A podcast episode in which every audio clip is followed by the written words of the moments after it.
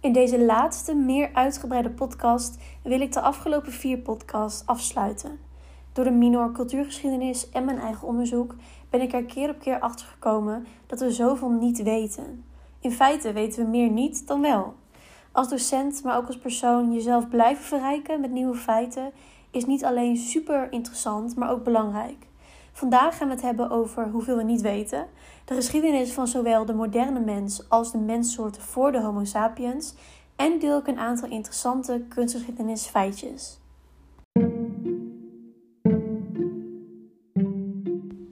Anatomisch gezien ontstond de moderne mens 300.000 jaar geleden.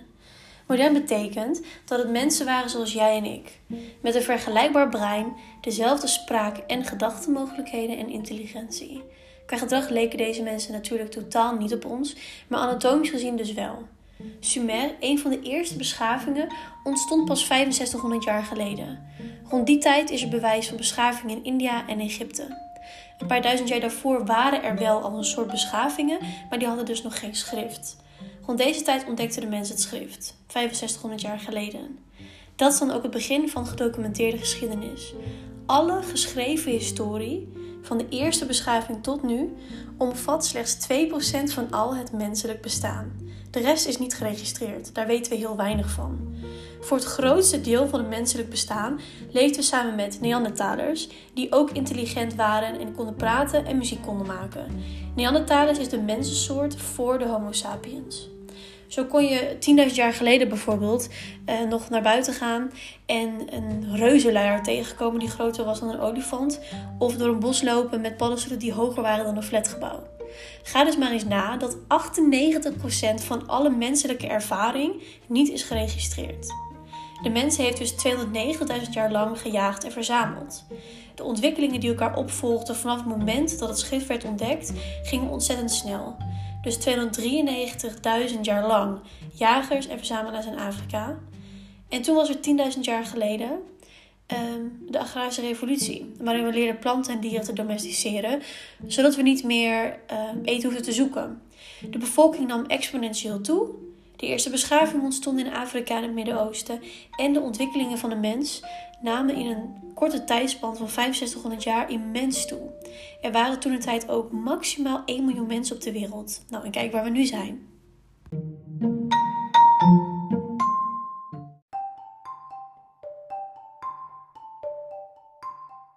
Voor de Neandertalers waren er nog andere mensensoorten die wel teruggaan tot 2 miljoen jaar geleden. En in al die tijd waren er eigenlijk heel weinig mensen op de hele wereld. Er waren dus maximaal 1 miljoen mensen. Ehm, en dat is eigenlijk nog een veel te groot getal. Ondanks dat er dus niet veel mensen waren, zijn er op meerdere plekken op de wereld prehistorische grotschilderingen gevonden. Dit was geen schrift of een taal, maar wellicht wel een communicatiemiddel. Deze schilderingen worden wel eens kunst genoemd. Toch is het lastig deze definitie te geven, omdat kunst zoals wij kennen gedefinieerd is door ons, door de moderne mens.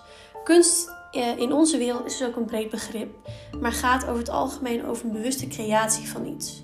Of het 64.000 jaar geleden ook als kunst bedoeld was, is de vraag. Toch is het interessant stil te staan bij zowel de definitie van kunst, kunst in onze tijd en wat wij zien als kunst en wat niet. Ehm, en er zijn dan ook meerdere theorieën over deze schilderingen. Zo is er bijvoorbeeld een theorie die um, de schilderingen omschrijft als jaagmagie om de vangst te vergroten. De theorie ontwikkeld door David Lewis Williams en grotendeels gebaseerd op etnografische studies van hedendaagse jager-verzamelaarsgemeenschappen, is dat de schilderijen zijn gemaakt door paleolithische shamanen. De shaman trok zich dan terug in de duisternis van de grotten, kwam in een trance-staat en schilderde dan afbeeldingen van hun visioenen. Misschien met het idee om kracht uit de grotmuren zelf te halen. Alle voorchristelijke religies en tradities uh, waren gebaseerd op natuurmagie. Dus dit zou uiteraard waar kunnen zijn. Een andere theorie is dat de schilderingen een vroege vorm van verhalen vertellen waren. En weer een andere theorie zegt dat het voor jagers een manier was om de jacht zich voor te stellen. Dus om het een soort uit te plannen en voor zich te zien, om zo zich bewuster te zijn van de gevaren. Muziek onder de Neandertalers. Eerst kort over deze mensensoort. De Neandertaler is een uitgestorven mensensoort die in een periode van 100.000 jaar langzaam is geëvolueerd vanuit de mensensoort Homo heidelbergensis. Deze mensensoort is weer de voorouder van de moderne mens en leefde tussen de 500.000 en 200.000 jaar geleden. Er is dus nog veel meer menselijk bestaan waar we niks tot weinig van weten. Dit was dan wel een mens met een ander brein en een ander gedrag, maar het was een mens. Uit zowel het christendom als het onderzoek naar andere mensensoorten jaren geleden blijkt dat de moderne mens het lastig te bevatten vindt dat er 500.000 jaar en zelfs 2 miljoen jaar aan geschiedenis is van onze voorouderen die wij niet kennen.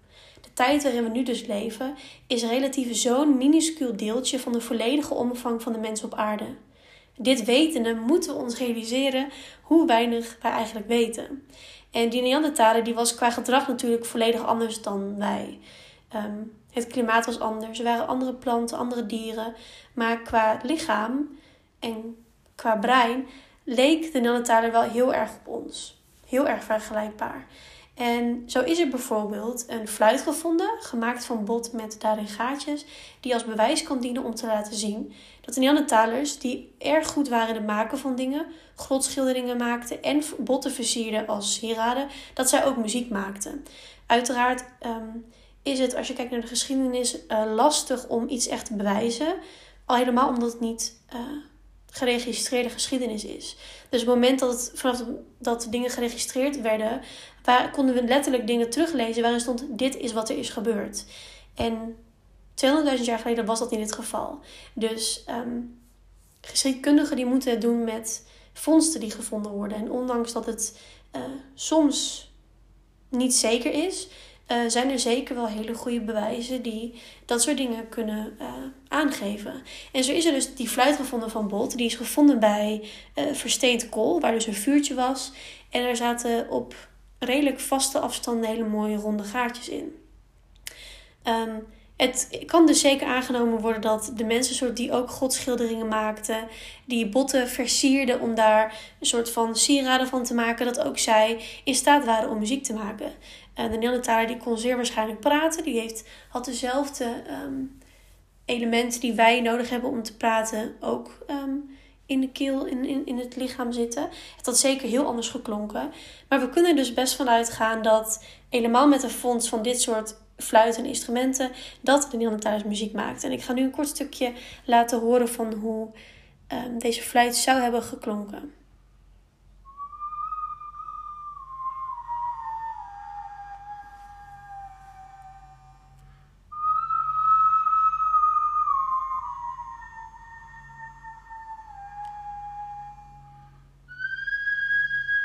Het is bij deze fluit niet duidelijk of dit soort instrumenten gebruikt werden voor rituelen, um, voor bepaalde religieuze rituelen, of dat het gewoon gebruikt werd als vermaak, of het gebruikt werd als communicatiemiddel.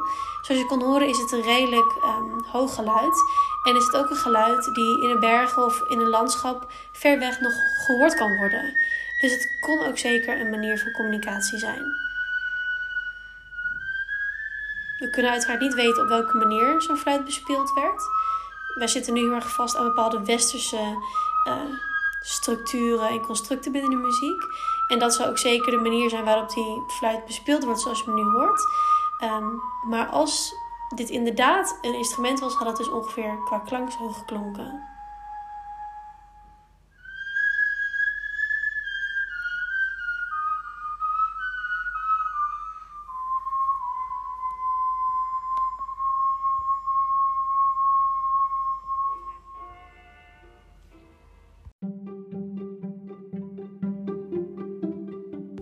Kortom, er is nog zoveel um, te ontdekken, zoveel interessante feitjes om achter te komen.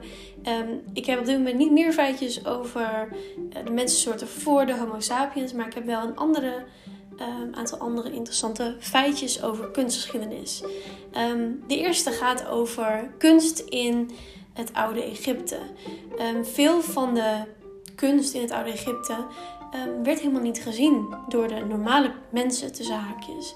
Um, deze kunst die was in eerste instantie namelijk gemaakt uh, om in het geheim bekeken te worden door de elite. Uh, zij vonden dat deze kunst dan ook te krachtig was uh, om bekeken te worden door het normale volk. Um, een heleboel van de gebouwen die je kan bezoeken in Egypte, zoals tempels, piramides en tombes, ehm, zijn ook dingen die dus in die tijd helemaal niet gezien zouden zijn door normale mensen. Dus ondanks dat dit elementen zijn waarmee wij Egypte en het oude Egypte vaak identificeren, was het voor de mensen die die daar zelf woonden eigenlijk helemaal niet zichtbaar.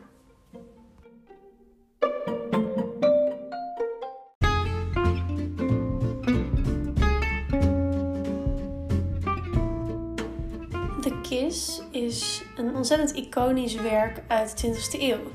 En het is ook een schilderij dat als je die ziet, dat je hem waarschijnlijk meteen herkent. Uh, je kan hem even opzoeken. Uh, wat weinig mensen weten, is het verhaal over de schilder Gustav Klimt.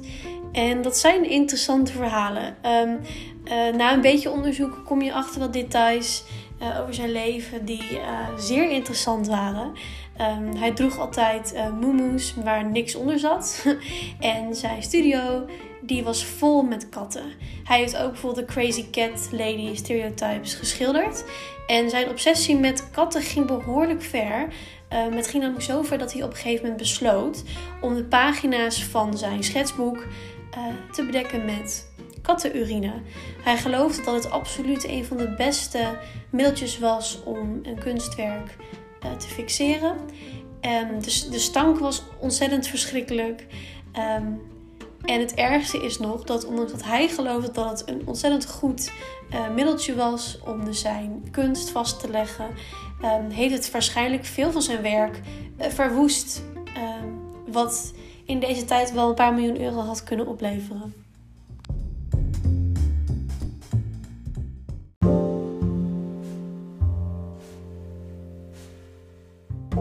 dan het laatste weetje om meteen daarmee deze podcastreek af te sluiten. Um, zelf vond ik altijd de oudheid een hele interessante periode. Um, wellicht omdat het gewoon heel erg lang geleden is. Dat dat direct een soort fascinatie oproept. Um, maar voor mij is dat zeker een van de dingen geweest die mijn interesse voor kunstgeschiedenis heeft aangewakkerd. en daarom wil ik afsluiten met gewoon een belangrijk weetje over deze een element uit deze periode. De beelden uit de oudheid die worden namelijk altijd afgebeeld als wit. Al die mooie standbeelden van marmer zijn altijd wit. Maar dat waren ze niet. Deze witte standbeelden zijn eigenlijk iconisch geworden en binnen bepaalde scenes heeft het zelfs een hoge esthetische waarde. Met moderne technologie zijn wetenschappers erachter gekomen dat de witte beelden die ongeveer op ons netvlies gebrand zijn, grotendeels niet wit waren. Ehm, de standbeelden die waren vaak voor een groot deel geverfd met felle kleuren als rood en blauw, vaak zelfs polychromatisch. Dit lijkt misschien niet meer dan een misopvatting, maar het kan eigenlijk best problematisch zijn. Het versterkt namelijk het idee dat het oude Griekenland en het oude Rome, de oorsprong van onze democratie, overwegend bewoond was door witte mensen. Ehm, de witte beelden van de oude Grieken die zijn zelfs gebruikt door witte suprematie als embleem voor wit nationalisme. Um, dus het is heel erg interessant, maar ook belangrijk uh, ja, om het goed dus te onthouden dat die standbeelden eigenlijk vaak geschilderd waren met mooie kleuren um, en dat ze dus niet wit waren. Um, ik zou zeggen, deel dit weetje vooral met mensen die je kent. En bedankt voor het luisteren naar al deze podcasts. Ik hoop dat je er wat interessante informatie uit hebt kunnen halen en daar zelf mee verder kan. En wie weet, tot een andere podcast.